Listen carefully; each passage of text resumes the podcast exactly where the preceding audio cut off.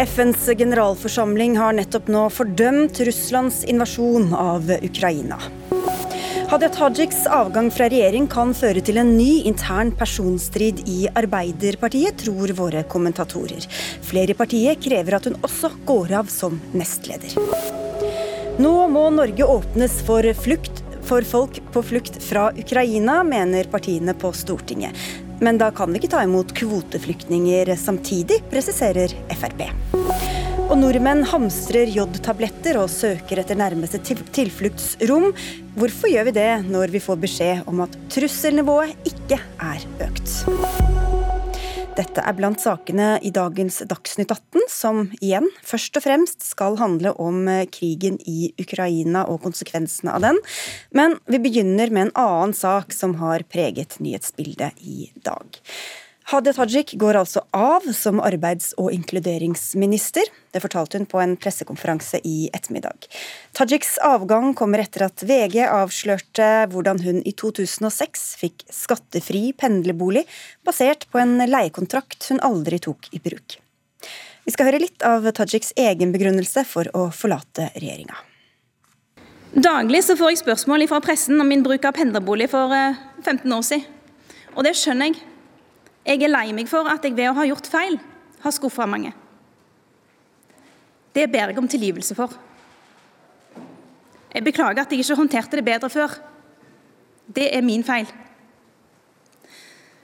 Det er derfor jeg bestemte meg for å betale inn ekstra skatt for hele perioden 2006 til 2010, tilsvarende det skattefordelen for pendlerbolig eh, ville utgjort i de åra. Så er det òg sånn at ingen har krav på tillit. Og alle kan gjøre feil. Men eh, den som er øverste sjef for arbeidstidspolitikken, øverste sjef for sosial eller velferd eller inkludering, er avhengig av tillit for at den jobben der skal skinne. Det er mange andre som kan være arbeidsministre. Det er Arbeiderpartiet sin politikk som er det viktigste. Og Derfor har jeg i dag varsla statsminister Jonas Gahr Støre om at jeg vil gå av som statsråd, noe han har akseptert. Og Statsminister Støre holdt også en pressekonferanse for en time siden, hvor han sa at hun hadde truffet det riktige valget, men at han ønsket å beholde henne som nestleder i partiet. Verken Tajik eller Støre takket ja til å være med i Dagsnytt 18 i dag. Men Arne Kristian Moen, du er partikollega av Tajik og ordfører i Haugesund. Hva mener du om denne saken, og hvordan den har utviklet seg? Nei, Jeg syns jo det er viktig at uh, media og en fjerde statsmakt går i sømmene på disse stortingspolitikere som har en ekstra grunn til å oppføre seg på en helt annen måte enn folk flest. De må gå foran med et godt eksempel. Men det jeg har reagert på i denne saken, er at kanskje i en iver etter å ta en politiker, så har man begynt å se på hva Tatcha gjorde før Tajik gjorde før hun ble stortingspolitiker. For Vi snakker nå altså om 2006, og hun ble stortingspolitiker i 2009. Og Det syns jeg er å ta det litt for langt. Men da var hun jo politisk rådgiver i regjeringa. Hvorfor er det så stor forskjell på om man var stortingspolitiker eller rådgiver? For det første så er jo rådgivere studenter eller nyutdannede som får oppgave om å gjøre en jobb for enten det er regjeringen eller Stortinget. Eh, de forholder seg til det Stortinget sier de skal gjøre i forhold til pendlerbolig som det gjelder her, eller andre ting.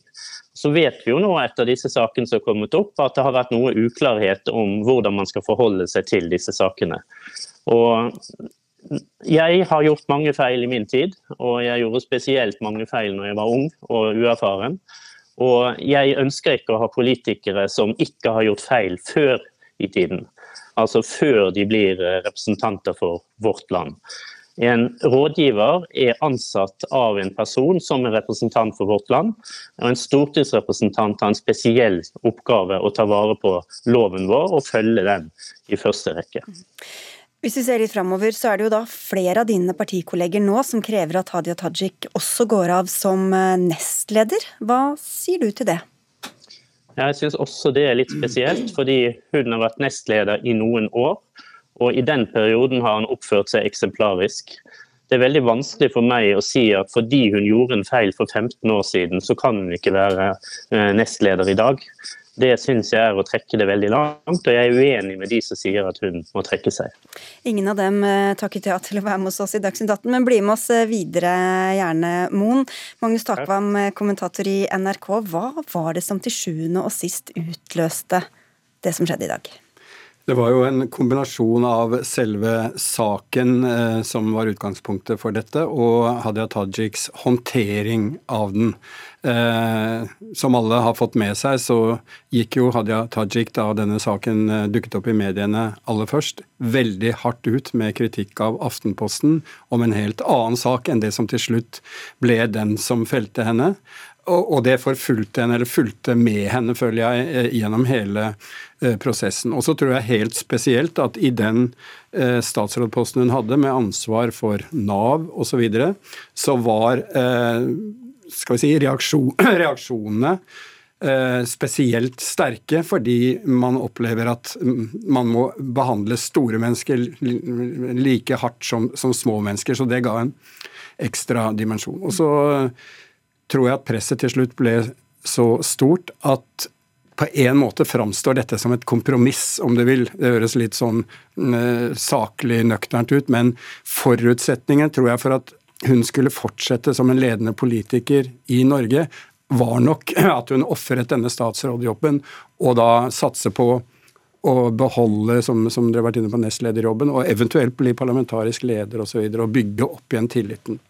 Tone Sofie Aglen, kommentator i VG. Hun ble jo også, mener mange, pressa fra LO, eller i hvert fall kom det LO-topper med ganske sånn krasse uttalelser i forkant. Og så har jo både hun og Støre sagt at dette var hennes avgjørelse. Men hva slags valg hadde hun egentlig?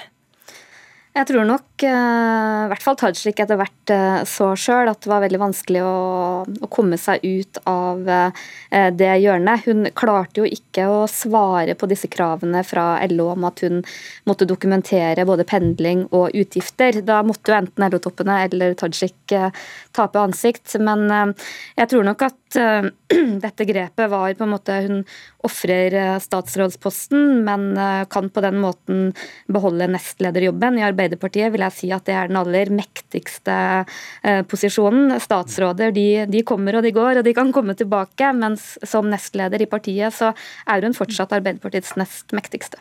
Men hvor alvorlig var det, som, som det vi hørte Arne Kristian Moen, eh, ordføreren, si her? Altså, hva slags politikere får vi hvis man skal gå av for noen feil man gjorde for 15 år siden? Nei, Jeg deler egentlig bekymringa. Jeg håper virkelig ikke vi får politikere som er uh, mer redd for å begå feil enn de er for å gjøre riktige og uh, modige ting. Men uh, jeg ser liksom ikke helt alternativet til at media ikke skal ettergå politikere og få dette fram i lyset. Så må jeg jo minne om at det er jo ikke vi i media som avsetter politikere eller ikke har tillit. Det er det jo politikerne sjøl som gjør. Hva sier du til det, Mon? Nei, altså det, Jeg hører hva hun sier, for å si det sånn. Men jeg kjenner jo til hva som foregår også i de indre korridorer i media fra tidligere. Så men uh, må si det hun sier, for å si det sånn. ok, vi har alle våre roller å, å bekle. Um, Magnus Takvam, det har jo da, som jeg nevnte, kommet flere uttalelser i dag, eller fra flere hold, om at hun heller ikke bør fortsette som nestleder. Stortingspolitiker May-Britt Lagelsen fra Trøndelag Arbeiderpartiet sier til Trønderavisa at hun bør gå av som nestleder. Ingvild Kjerkol, helseminister, også fra Trøndelag, vil ikke si om hun fortsatt har tillit. Er det tilfeldig at dette kommer fra Trøndelag? Det er klart det er jo en eh, ganske opplagt observasjon at det er en slags eh, skygge. Det er uunngåelig at det eh, blir en slags skygge fra Giske-saken, der jo vi husker at motpolen, eller motaktøren til Trond Giske, på en måte var Hadia Tajik. Giske tilhengerne, om du vil, eh, definerte jo den prosessen som en politisk kamp for å hindre at eh, Trond Giske da skulle seile opp eh, i toppen i Arbeiderpartiet, og at Hadia Tajik av politiske grunner bidro til, til dette. Sånn at med en gang f.eks. da disse LO-toppene kom ut i VG, så snakket jeg med, med folk som øyeblikkelig sa ja, de vil, hensikten er å bli kvitt Hadia Tajik. Ingen vil jo åpenbart gå ut og si det åpenlyst, men det er nå en del av den nære historikken og en del av bakteppet her som, som er uunngåelig å, å, trekke fram. Nå har det vel også kommet kritiske røster fra andre deler av eh, landet, da, men Aglen, det at dette nå også blir satt inn i det lyset, hva gjør det med jobben framover for Arbeiderpartiet, som jo har vært gjennom ganske mange indre strider? Nei, Jeg tror nok at det, her, eh, at det her ligger så under, har gjort det her eh, enda vanskeligere og mer betent. Og jeg tror nok også eh, Støre freder jo på mange måter Hadia Tajik i dag som nestleder.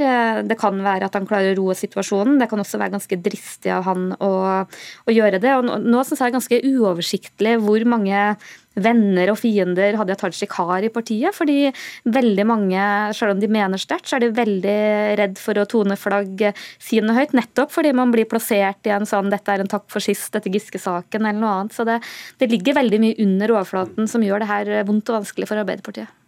Altså jeg tror nok at eh, Støres eh, vurdering, og jeg regner jo med at han må ha gått gjennom eh, substansen i saken før han går ut nå og gir henne sin eh, støtte, eh, så er det rett og slett eh, veldig viktig for Støre at Hadia Tajik ikke forsvinner ut av norsk politikk og ut av Arbeiderpartiet. Fordi det står ikke på en måte store lederemner i kø i Arbeiderpartiet for tiden. Både av, altså fordi hvis hun hadde forlatt eller forlater eh, Arbeiderpartiets toppledelse og blir, eh, går ut av politikken, så er det en eh, kompetent og liksom sterk ressurs. Men også hvis hun faller, så forsterker det i seg selv et bilde av et parti, ikke i oppløsning kanskje, men, men med store problemer. Så Derfor så tror jeg det er det er ikke overraskende at han, eh, at han, eh, skal vi si, skjermer henne, men forutsetningen for at hun skal fortsette, er jo selvfølgelig særlig at det ikke dukker opp ny informasjon som gjør selve utgangspunktet i, i, i denne saken mer alvorlig enn det ser ut nå. Bare få med deg også her, ordfører eh, Moen. Frykter du en ny sånn personstrid internt i partiet? Jeg var jo en av de som snakket varmt om å få Trond Giske inn som nestleder, og mener at eh, når det nå kommer opp i denne debatten, at vi må legge ting bak oss. Vi må slutte å ta fram gamle saker. Vi må tenke framover. Det er det som er vårt partis tradisjon. Og nå har vi hatt nok eh, problemer med enkeltsaker og enkeltpersoner. Nå må vi stå sammen og tenke framover. Vi har en regjering nå som har store oppgaver framover, og den har jeg stor tro på skal få det til. Så vi trenger ro, og håper også at mine kollegaer rundt omkring i landet tar hensyn til dette, slik at vi får ro i partiet. Og imens sitter alle landets redaksjoner og ringer rundt for å høre hva de sier. Så ro blir det kanskje ikke med det første heller. Dette er et spørsmål. Det var det meg, ja. ja det, det, vil jeg tro mange redaksjoner gjør. Og jeg, må si jeg er veldig spent på utfallet av det. Vi så en stortingsrepresentant fra Nord-Trøndelag har eh, allerede sagt at hun bør gå. Nå kan det være at Støre klarer å roe partiet, men det kan også ulme videre. og jeg tror nok Man også opplever at det fortsatt ligger litt ubesvarte spørsmål der. At uh, Tajik kanskje ikke gikk dypt nok i sin beklagelse av faktiske forhold. Og også det hvorfor har hun ikke informert partiet sitt før og la Støre få dette i fanget nå. Da er det bare å fortsette å lese både VG og andre aviser og lytte til og se på NRK. Takk skal dere ha, Tone Sofie Aglen i VG. Takk til deg, Arne Kristian Moen, ordfører i Haugesund for Arbeiderpartiet, og vår egen Magnus Takvam.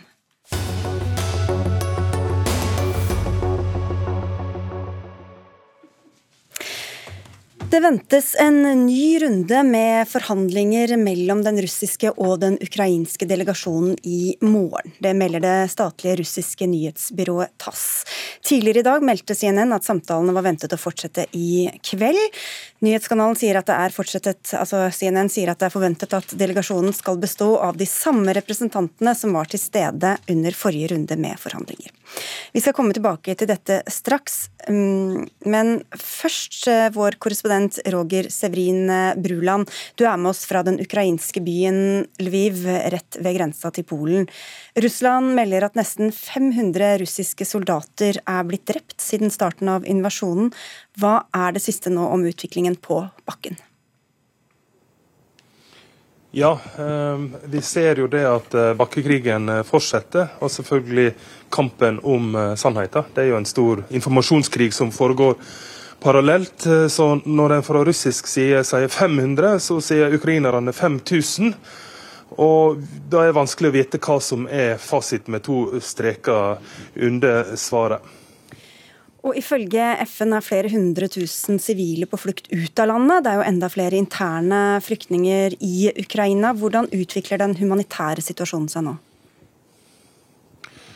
Ja, eh, siste tallet så det var vel eh, ja, Vi får ta det med en liten klype salt, men vi begynner å nærme oss sånn 800 000-900 000. Eh, vil nok helt sikkert passere over millionen og vel så det. Eh, det er jo kaotiske tilstander på jernbanestasjonen her i Lviv, som tar imot eh, veldig mange som kommer østfra. Og så er det jo et problem da for de som er mellom menn mellom 18 og 60. De får ikke lov å forlate landet, så de må jo finne seg en plass å bo eh, her i området. Og det er ikke så mange Eh, plasser å være. Så eh, frivillige prøver nå å lage til eh, midlertidige bosteder for de som ikke kommer seg videre over grensa, eller ikke vil over grensa. Og det vil jo ta tid å få så mange mennesker f.eks. til Polen, for der er det jo snakk om nå 20-40 timers ventetid. Og det er klart at hvis en kommer med ei drosje og så blir sluppet av på, på enden av den køen der, så så det er veldig langt å gå mot uh, grensa, og en trenger varme klær. En trenger, en trenger kanskje et telt. og Der er mange organisasjoner nå på grensa som, uh, som bistår. Og, og, og, når de endelig kommer seg inn i f.eks. Polen, så, så, får de god, god hjelp. Men uh, det tar tid for så mange mennesker å flykte. Takk skal du ha, Roger. Utenriksjournalist Sissel Wold. Rett før vår sending så kom det melding om at FNs ekstraordinære generalforsamling fordømmer Russland. 141 land stemte for resolusjonen. Hva betyr det, og hvor spesielt er det egentlig? Ja, Det er vel nærmest historisk at FN er så samlet og enige om noe. Og denne resolusjonen fordømmer eh, Russlands angrep på Ukraina og krever at eh, Russland må trekke seg ut eh, med en gang. Og eh, Generalforsamlingen måtte altså ha to tredjedels flertall av 193 medlemsland så måtte minst 129 stemme for, og hele 141 stemte for resolusjonen. Fem land eh, stemte imot, vi vet ikke ennå hvem det er. Men 35 eh, avsto fra å stemme, blant dem var Kina. Mm. Vi skal snakke litt seinere i sendinga om Kina og Russland. Noe annet som skjedde i dag, som er kanskje mer interessant for Norge enn for verden, er en telefonsamtale mellom statsminister Jonas Gahr Støre og Ukrainas president Zelenskyj. Hva var det som ble sagt eh, ja, der? Først så sa Zelenskyj 'tusen takk for at du ringer'. Og så sa statsminister Jonas Gahr Støre 'dobri din', som betyr 'god dag' på ukrainsk. Eh, og så sa han at 'vi priser deg for det motet ukrainerne viser', og for at du står rakrygget i denne ekstremt vanskelige situasjonen. Og så sa han at du har bred støtte fra det norske folk i denne kampen deres, din kamp som også er vår kamp. Og så tvitret Zelenskyj like etterpå at han hadde snakket med Støre og takket for eh, våpenstøtte, og for at de støtter også i Sikkerhetsrådet, nevnte han. Og så har det kommet litt forskjellige meldinger om når disse forhandlingene skulle fortsette. Nå uh, skjønte jeg at de skulle fortsette i morgen. Det har jo vært et uh, møte allerede som foregikk i seks-sju timer uten noen, uh, uten noen resultat. Hva vet vi om neste runde nå? Ja, De skal begynne i morgen tidlig, sier russerne. Russerne sa i går at de skulle ha en ny runde. Først i dag så bekreftet ukrainerne det, at de skal møtes med de samme teamene. Ukraina møtes, møter med sin forsvarsminister og et team, mens Eh, russerne møter med sin viseforsvarsminister. Så de har ikke så høyt, eh, folk på så høyt nivå. Men det er jo en god nyhet at de møtes, selv om partene står langt fra hverandre. Kristian Atland, du er seniorforsker ved Forsvarets forskningsinstitutt og er ekspert også på Russland. Hva er det partene egentlig håper å oppnå med disse forhandlingene? Eh, ja, Russland ønsker jo da å tvinge Ukraina til en kapitulasjon. og Det gjør det jo parallelt med Ehm, den bruken av militære styrker. Eh, operasjonen er nå inne i dag sju. Og det virker som de russiske styrkene har kjørt seg fast. Iallfall har ikke dette gått så fort som man eh, forutså da, da det starta. Kompromissviljen er omtrent fraværende på, på, begge sider. Nå har vi jo nettopp fått eh, demonstrert da, at verdenssamfunnet i stort står massivt på Ukrainas side i denne konflikten en ganske entydig eh, fordømmelse av eh, Russlands eh, uprovoserte og folkerettsstridige invasjon av Ukraina. Og I denne resolusjonen som, som, ble vedtatt i dag i FNs generalforsamling, så slås det også fast at de territoriene som, som Russland har kontroll over, har tatt kontroll over, og territorier som de måtte ta kontroll over i tiden framover, vil, vil, ikke bli, bli anerkjent av, av verdenssamfunnet som, som russiske. Men, men, hvis det nærmest bare er spill for galleriet, hva er poenget med å ha sånne forhandlinger? Nei, Det er jo et poeng i seg selv, som Sissel Wold akkurat sier, at partene møtes. De hadde et fem timer langt møte på mandag. Eh, og at det er kontakt mellom partene der de får presentert sine, sine synspunkter. og Om ikke annet så får de bli enige om å møtes igjen senere. Men det er et poeng i seg selv at, at det er kontakt i denne veldig tilspissede situasjonen. Men samtidig sier russiske myndigheter at krigen kommer til å fortsette til alle mål er nådd. Og hvilke mål er det nå egentlig for Russland?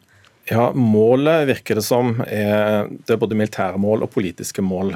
Eh, I Putins eh, tale eh, på mandag så snakket han om dette med demilitarisering av Ukraina, svekke Ukrainas militære kapasitet. Og så er det dette med denazifisering som, han har brukt, som Putin har brukt, som indikerer at det her er en ambisjon om, om et regimeskifte og rett og slett avsette president Zelenskyj og hans regjering.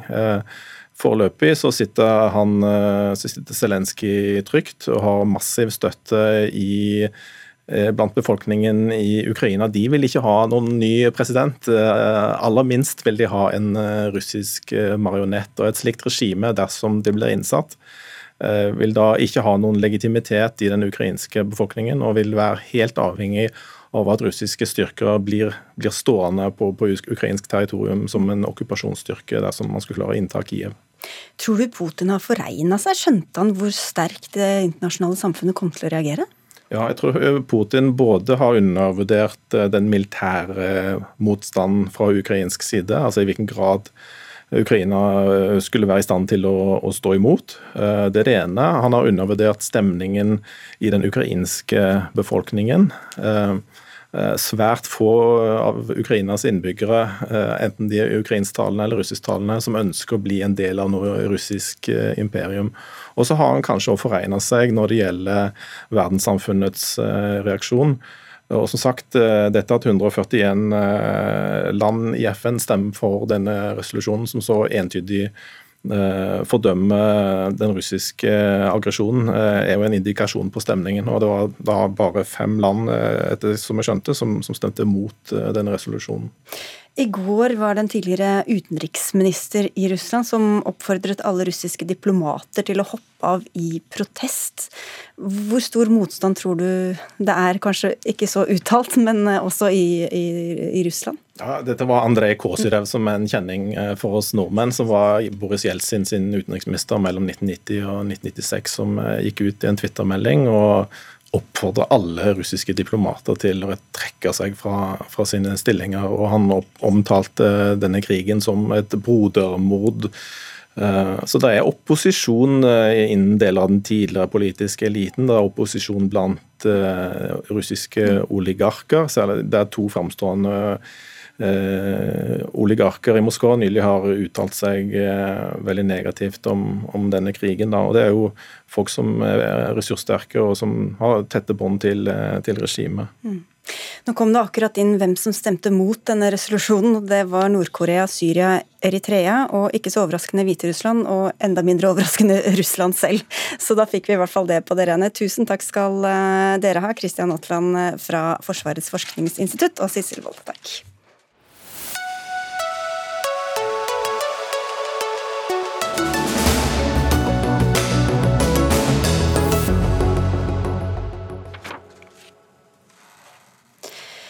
Ja, norske apoteker er utsolgt for jodtabletter, og mange hamstrer vann og havregryn. Hvordan skal vi være beredt, men unngå å bli redde? Det skal vi snakke om mot slutten av denne Dagsnytt 18-sendinga. Etter en uke med krig har altså rundt 660 000 ukrainere flyktet fra hjemlandet, ifølge FN, som vi var inne på i stad.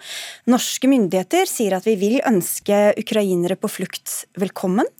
Men til Dagsavisen sier Fremskrittspartiet at Norge da ikke kan ta imot noen av kvoteflyktningene som FN ber oss om å gi et hjem.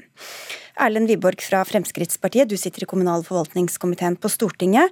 Hvorfor skal flyktninger som FN sier at trenger hjelp, som ikke kan bli der de er, og heller ikke reise hjem, hvorfor skal de lide for at vi skal ta imot ukrainere? Fremskrittspartiet ønsker her å hjelpe til i den særdeles alvorlige situasjonen eh, man er i. Vi har nå en krig i vårt nærområde i eh, Ukraina. Potensielt kan vi få veldig mange mennesker som kommer mm. på flukt. Men det var ikke spørsmålet? Jo, fordi derfor ønsker Fremskrittspartiet da å hjelpe til.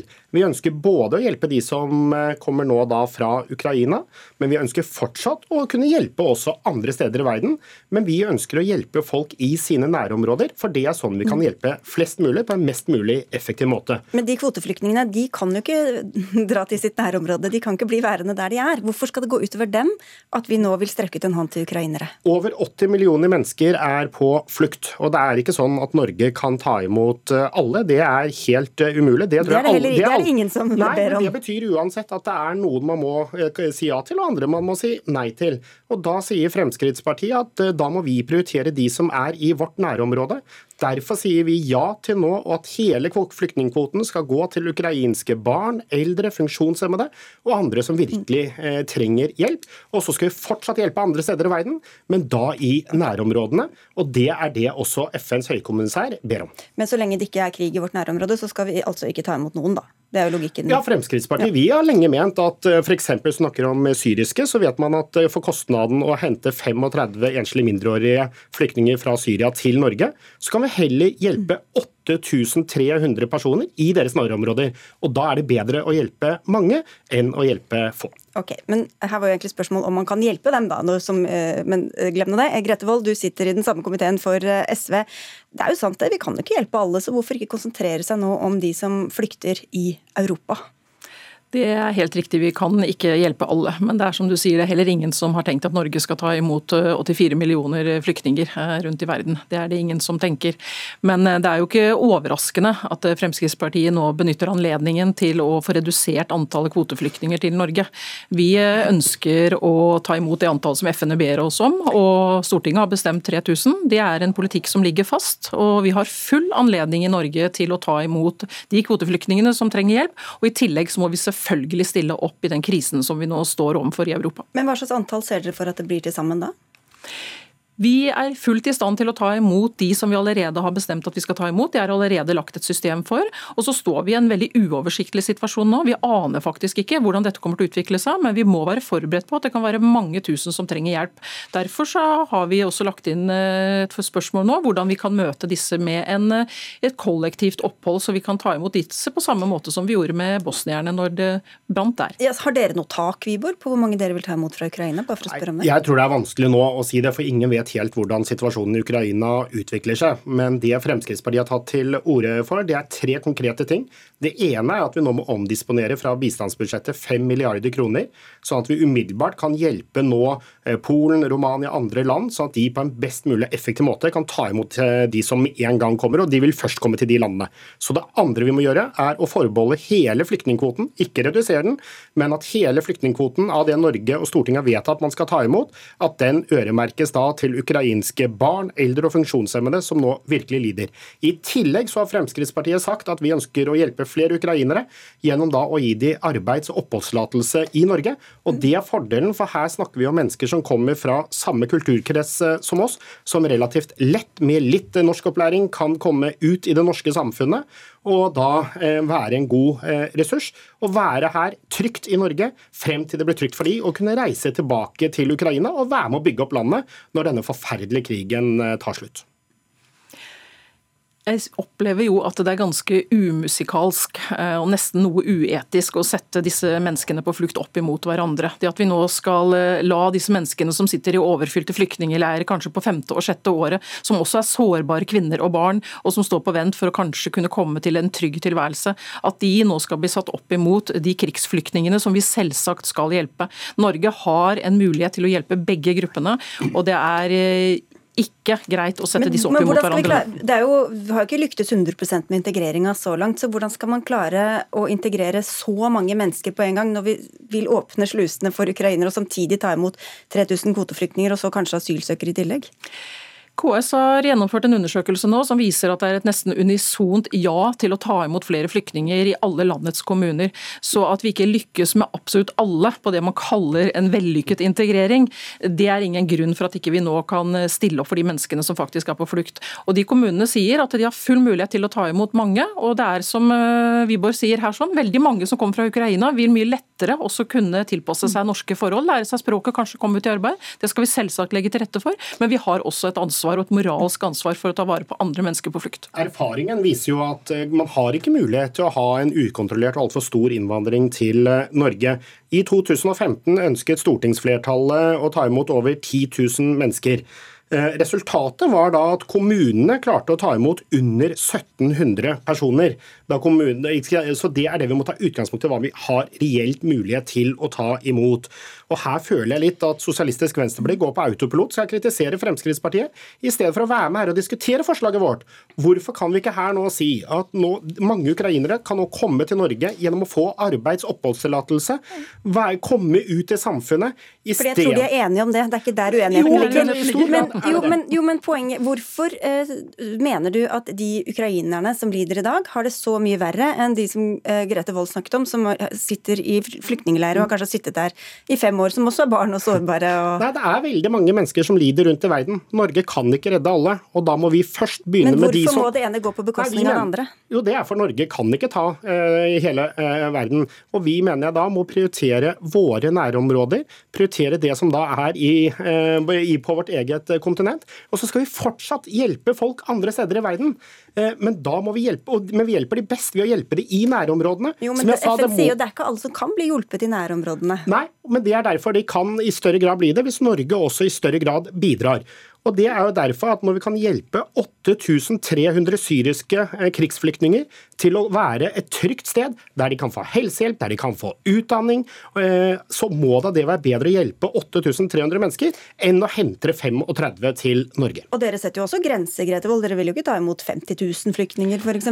Vi har ingen tanker om hvor mange vi kan ta imot. Vi kan ta imot veldig mange i Norge. nå snakket jeg om kvoteflyktninger også. Da, vi har ikke en plan om å ta imot 50 000 Nei. kvoteflyktninger. Så dere setter jo også et tak da det bare ligger et annet sted? Vi enn ønsker å følge det FN ber oss om å, å, ta til enhver tid. Det mener vi at vi kan klare å stille opp med. Det er et internasjonalt ansvar er, som vi har mulighet for å gjøre. Men det er ikke det som er spørsmålet nå. For Stortinget har vedtatt at man skal ta imot 3000 kvoteflyktninger i år. Og Forskjellen er at du da ønsker å si nei til flere ukrainere eh, pga. at du ønsker å fylle opp den kvoten med personer fra andre steder. Nei. Mens Fremskrittspartiet sier at vi må ta vårt nærområde først. Okay. Ukrainske kvinner, barn og funksjonshemmede som nå virkelig lider, er de vi må først nå hjelpe. Da skal du få ti sekunder til å svare på det, Det ene utelukker på ingen måte det andre, og vi sier på ingen måte nei til å hjelpe sårbare krigsflyktninger fra Ukraina. Nei. Og Hvor mange og hvordan disse skal hjelpes, det er ennå ikke behandlet eh, politisk, så det får vi se hva som blir enden på visa der. Takk skal dere ha begge to, Erlend Wiborg fra Fremskrittspartiet og Grete Wold fra SV.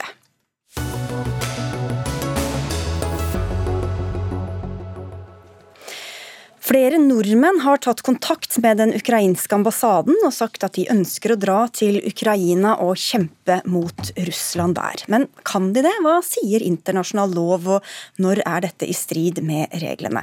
Sigrid Resse Johansen, du er generaladvokat, som sammen med krigsadvokatene utgjør den militære påtalemyndighet. Hvilke kriterier må være oppfylt for at man skal kunne reise til et annet land på egen hånd for å krige? Ja, Det er jo som du sier, på egen hånd. Dette her er jo personer som drar av ikke på vegne av det norske forsvaret eller av Norge. Eh, og det som er da straffritt, det er å reise til utlandet og, delta i krig på vegne av en annen stat. Så det forutsetter at man deltar på vegne av staten og at man på en måte må innlemmes i deres væpnede styrker, og dermed bli en lovlig stridende etter folkeretten. Og det krever også at du, noen tar kontroll, eller har kontroll på deg, og at du selv har satt deg inn i situasjonen. Det er noen sånne minimumskriterier der også? Absolutt. Det er minimumsvilkår for å være såkalt lovlig stridende, altså stridende med privilegier. Det betyr at man har lov til å ta del i, i konflikten, at man har lov til å rette angrep mot det, det, og de som har lovlig mål. Og da må man være underlagt et militært disiplinærsystem og en ansvarlig kommando. Noen må kunne passe på at man ikke eh, går amok eh, med våpen. Altså at man skal være under kontroll, under statens kontroll. Men hvor lett er det i en eh, kanskje kaotisk krigssituasjon, og hvis det kommer mange for å bli med i, eh, i den styrken? Nei, det er klart det kan absolutt være vanskelig. Det påhviler jo et ansvar på den staten som tar, eh, tar stridende personer inn, sitt, uh, inn, i, inn, i, sine væpnede styrker, og sørge for at de kan etterleve et minimum av krigføringsregler. Altså disse felles reglene som gjelder for all krigføring. Um, og Det er klart at det er jo mye lettere å ha kontroll på stridende som man har trent med og øvd sammen med og hatt under, under seg og i sitt samme system, enn på folk som kommer fra helt forskjellige deler av verden og vil krige sammen. Og eh, hvordan er det hvis Du sier det, er, det er lov å reise, men er det også lov å rekruttere andre til å bli med i krigen? Nei. Så det er en sånn fin balanse på en måte i, i regelverket som skal ta hensyn til at det nettopp er, er, lov å delta i krig på vegne av en stat. Da er det staten som er ansvarlig. Eh, men eh, Norge har jo på en måte ikke ønsket at det skal rekrutteres til militær virksomhet for fremmede stater, så det er straffbart å drive med rekruttering til militær virksomhet for andre stater. Men når ukrainerne ber ber oss som å komme, f.eks.? Ja, nå kan jo ikke Norge straffefølge andre stater. Eh, sånn at eh, da, Det som er kriminelt, er da altså den rekrutteringen som skjer i Norge. Nettopp. Eh, Eirik Breiser, du er eh, historiker og førsteamanuensis ved Universitetet i Sørøst-Norge, og har eh, bl.a. Eh, skrevet om nordmenns deltakelse i andre land under første verdenskrig. Det begynner å bli lenge siden, men hvilke likheter er det mellom det som skjedde da, og den situasjonen vi har i dag? Eh, det er, eh, det er, jo ganske mange likheter. og Det som slo meg når jeg hørte nyheten om at Ukraina skulle etablere en fremmedlegion. Eh, for det her var jo det samme som Frankrike gjorde i 1914, når den tyske invasjonen begynte og i, eller åpningen på første verdenskrig. Da, så brukte de den samme muligheten ved å etablere nye avdelinger under den eksisterende franske fremmedlegionen. Og så sa de det at utenlandske statsborgere som ønsker å komme og kjempe for Frankrike, kan melde seg til tjeneste. Eh, og det var det mange som gjorde, også en del nordmenn. Et par hundre nordmenn. Og det er sikkert flere som også husker at nordmenn har dratt eh, og kjempet i flere kriger, eh, bl.a. den vinterkrigen i Finland, men også den spanske borgerkrigen. Hva slags reaksjoner har opinionen gitt disse fremmedkrigerne? Den har vært litt blandet, kan du si. Ehm, den, hvis vi tar den spanske borgerkrigen først, så var jo det en borgerkrig, altså to eh, parter mot hverandre innad i Spania.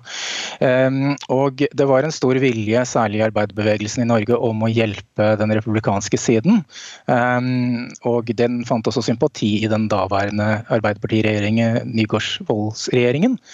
Ehm, men det var også krefter i Norge eh, på borgerlig side som enten ønsket å støtte Franco-siden, den andre siden, eller ønsket å forhindre hvert fall at norsk arbeiderbevegelse deltok. Så den var den, eh, si, synet, i, synet på norsk deltakelse der var splittet også fordi det norske samfunnet var splittet i synet på borgerkrigen. Ehm, når vi ser på vinterkrigen, så var det litt annerledes. Ehm, Finland var mye nærmere, eh, både geografisk og kanskje på andre måter. Og da var sympatien mye større eh, i hele samfunnet. Og da var, det, da var det regjering og storting som holdt igjen Eh, Bl.a. for å verne om nøytraliteten. Eh, Johansen, eh, i borgerkrigen i Spania, der var det jo ikke to stater som kjempet mot hverandre. Betyr det at det var ulovlig å bidra der militært? Eh, nei, altså den lovgivningen som vi har nå gjaldt jo ikke helt på samme måte under borgerkrigen eh, i, i, Spania, men det man gjorde i tilknytning til den spanske borgerkrigen, det var jo å lage en fullmaktslov som trådte i kraft i 1937, som nettopp sa at da kunne man gi forskrifter for å forby deltakelse i ulike kriger, nettopp for å komme dette til livs. Men det har egentlig aldri liksom virket helt sånn, da. Det har vært veldig vanskelig å bli enige om å forby deltakelse i ulike kriger. Og så er det jo, Da vi snakka sammen før i dag, så sa du at det handler jo både om politikk og juss. Så selv om noe kanskje var lovstridig, så betyr ikke det at det er vilje til å straffeforfølge i etterkant? Nei, det er det. Det er jo som med krigføringsreglene. Det er skaper Det er veldig nært mellom politikk og juss, dette her. Eh, og nettopp fordi reglene er som de er, at det ikke er straffbart å delta i virksomheten, men å rekruttere til den, f.eks., eh, så så betyr jo det at det hele tiden er en sånn fin, fin balanse. da, og Nettopp eksempelet med vinterkrigen i Finland viser jo også det. Det har ikke vært snakk om, så vidt jeg har sett, noe snakk om straffansvar i noen retning egentlig etter det. Nei, for det siste vi snakket om fremmedkrigere, så var det jo disse IS-krigerne. og Det er jo noen som veldig få sympatiserer med, så det kommer også, spiller også litt inn, vil jeg tro. da. Absolutt. Der har jo viljen til å straffeforfølge vært en helt annen. Bresser, hvem historisk er det som melder seg til å krige i andre land? Eh, det er nok et veldig sånn sammensatt uh, bilde. Uh, du har nok en, en, andel av deltakere som har ideologiske sammenfallende syn med den staten man reiser for å hjelpe, eller altså sympati.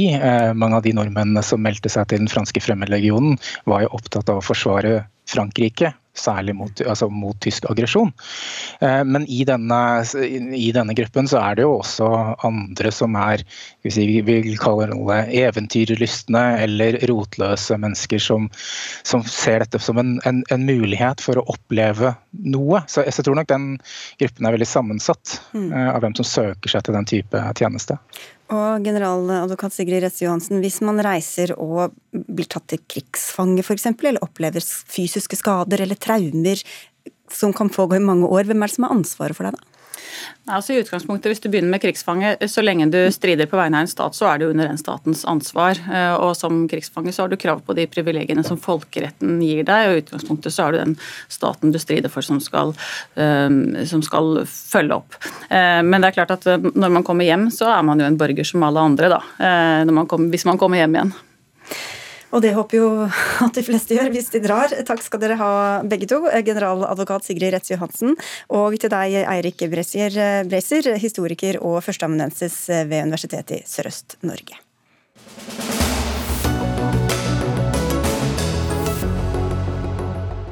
Hva gjør supermakten Kina når Russland går til krig mot Ukraina? Landet er en mangeårig alliert med Russland, men er også det landet som Ukraina handler aller mest med. Avslutningsseremonien for vinter-OL i Beijing var knapt avsluttet før verdens øyne vendte seg mot Ukraina og etter hvert Russlands invasjon der. Øystein Tunsjø, professor og leder av sikkerhetspolitikk i Asia-programmet ved Institutt for forsvarsstudier ved Forsvarets høgskole. Du og et par andre skrev om dette i Aftenposten. Kina kommer best ut av denne krisen, skrev dere. Hvorfor det? Nei, når vi skrev det, det var jo 1.2, så det, nå er det en stund siden. Men eh, det vi først og fremst fremhevet da, var at det er gunstig for Kina at eh, USA vender blikket mot Europa og ikke er så opptatt av Øst-Asia. Ehm, I mange år nå så har jo Kina vært hovedutfordringen til eh, USA. Så at amerikanerne vender blikket mot Europa, det er gunstig. Og det andre poenget vi løfta fram da, det var at en krise i Ukraina gjør på en måte at Russland blir isolert, og det gjør at Russland blir mer avhengig av Kina. Og det kan Kina tjene på, som de gjorde etter Krim i 2014.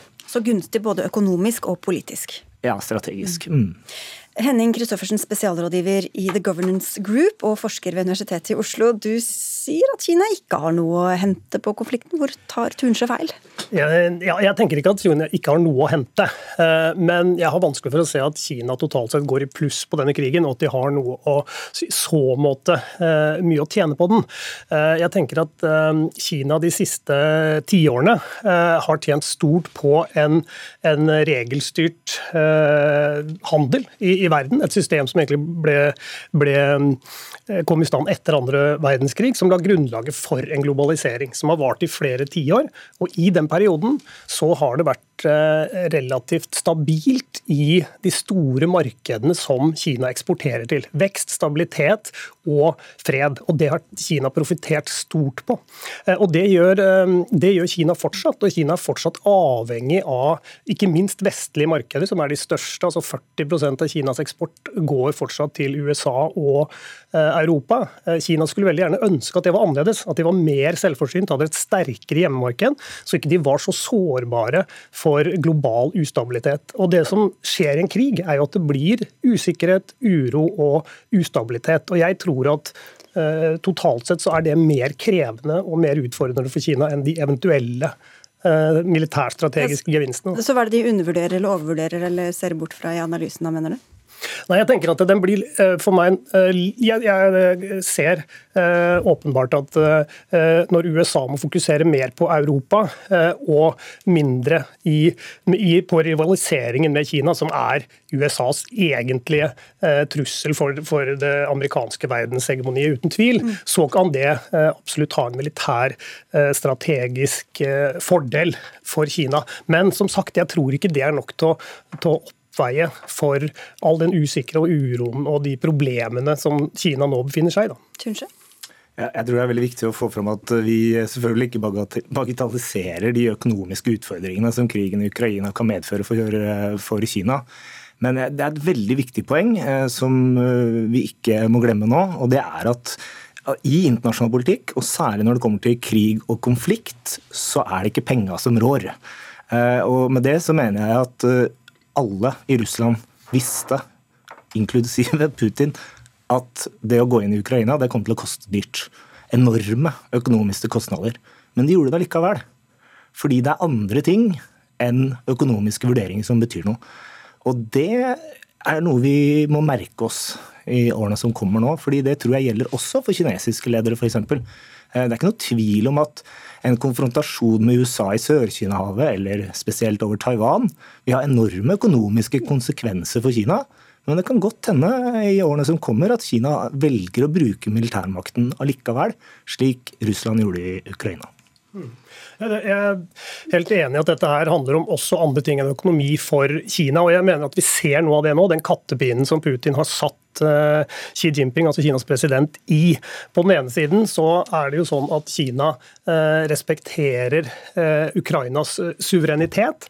Og på den andre siden så ber de også om at Russland må få respekt for sine reelle sikkerhetsbekymringer. Det er en spagat som er ytterst eh, krevende for, for eh, Beijing, mm. og som det, jeg tror de veldig gjerne skulle vært foruten.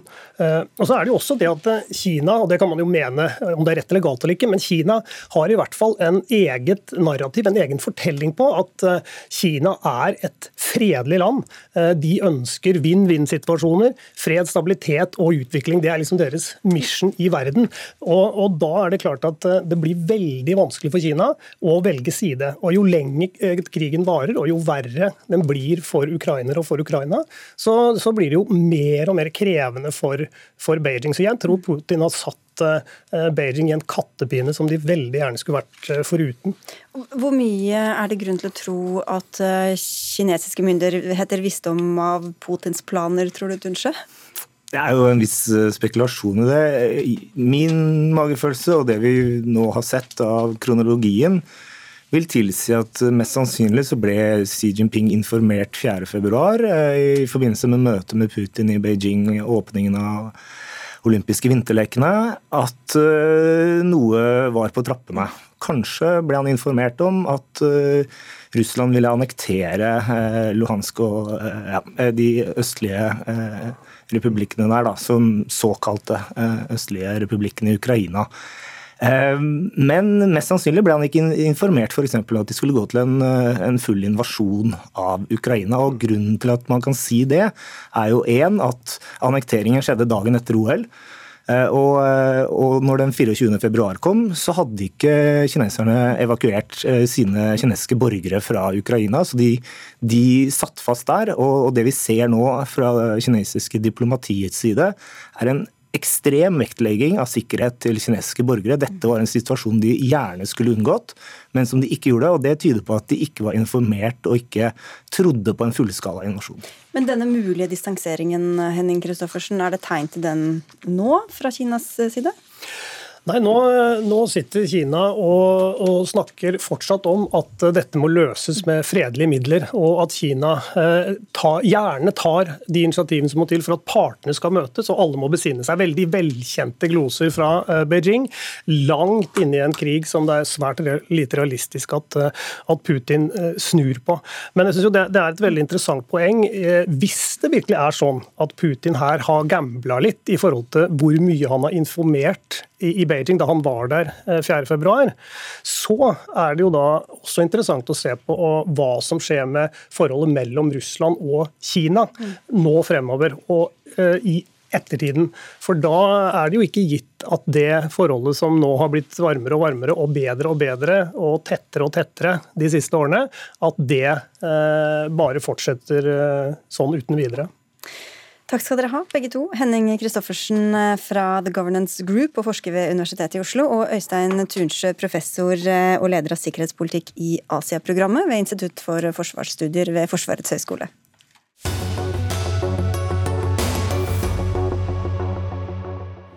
Trusselnivået i Norge er ikke endret pga. krigen i Ukraina. Det har myndighetene vært tydelige på. Likevel har salget av jodtabletter skutt i været, og mange søker etter hvor de kan finne sitt nærmeste tilfluktsrom.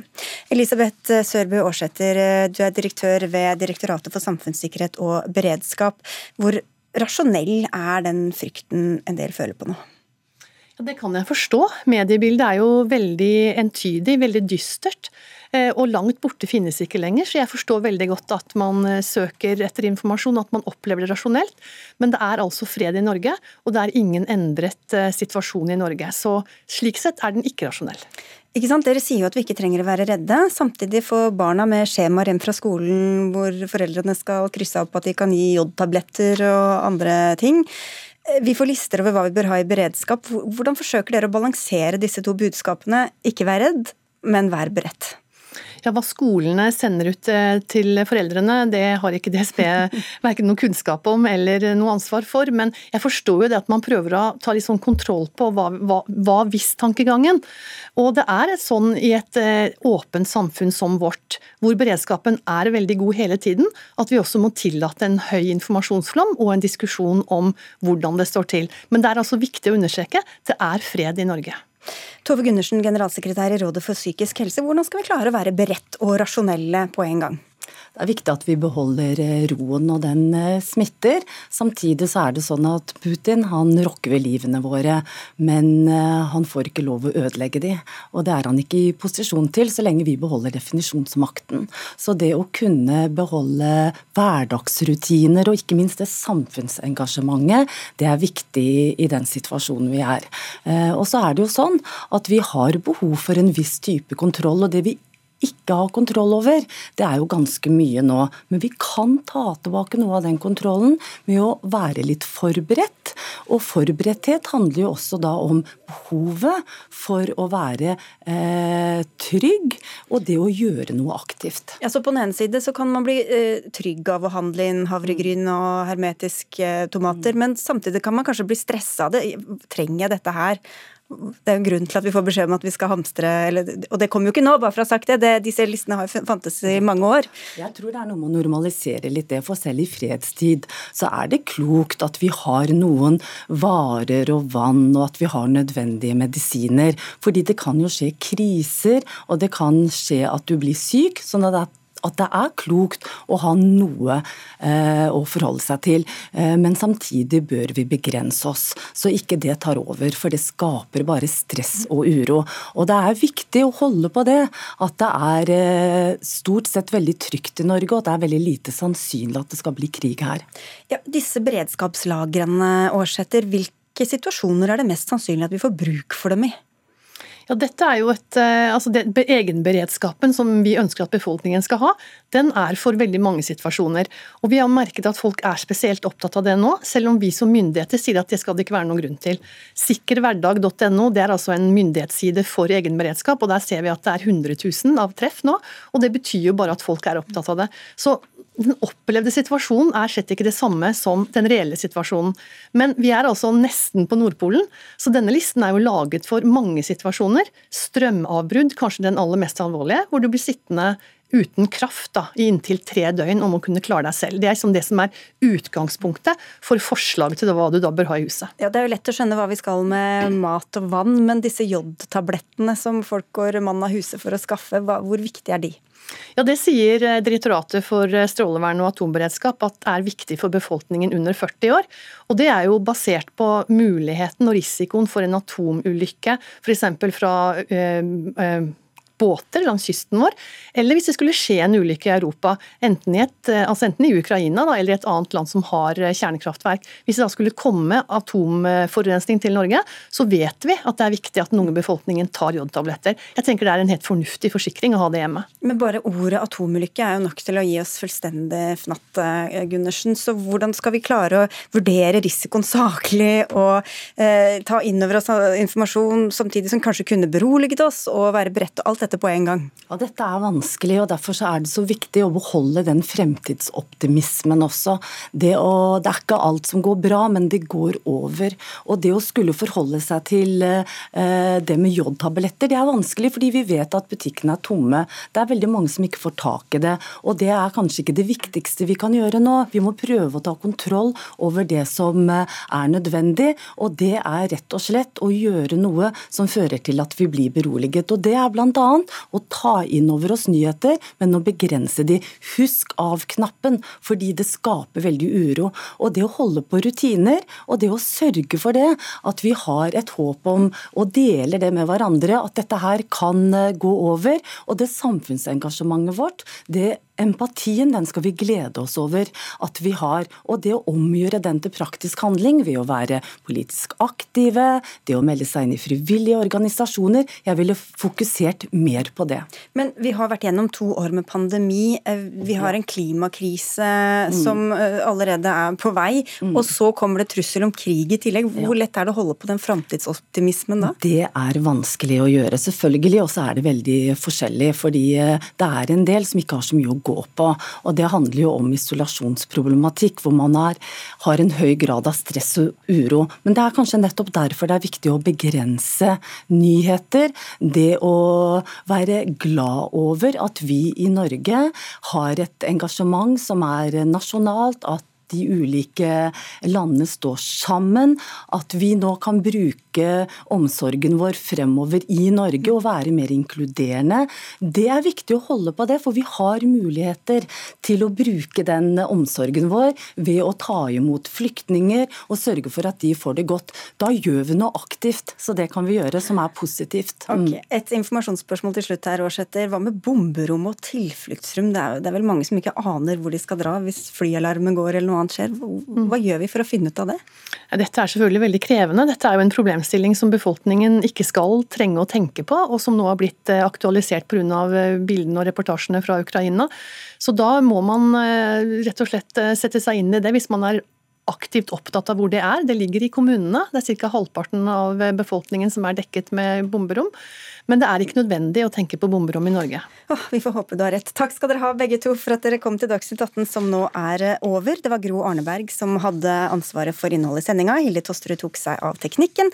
Mitt navn er Sigrid Solund, og vi ses og høres igjen i morgen.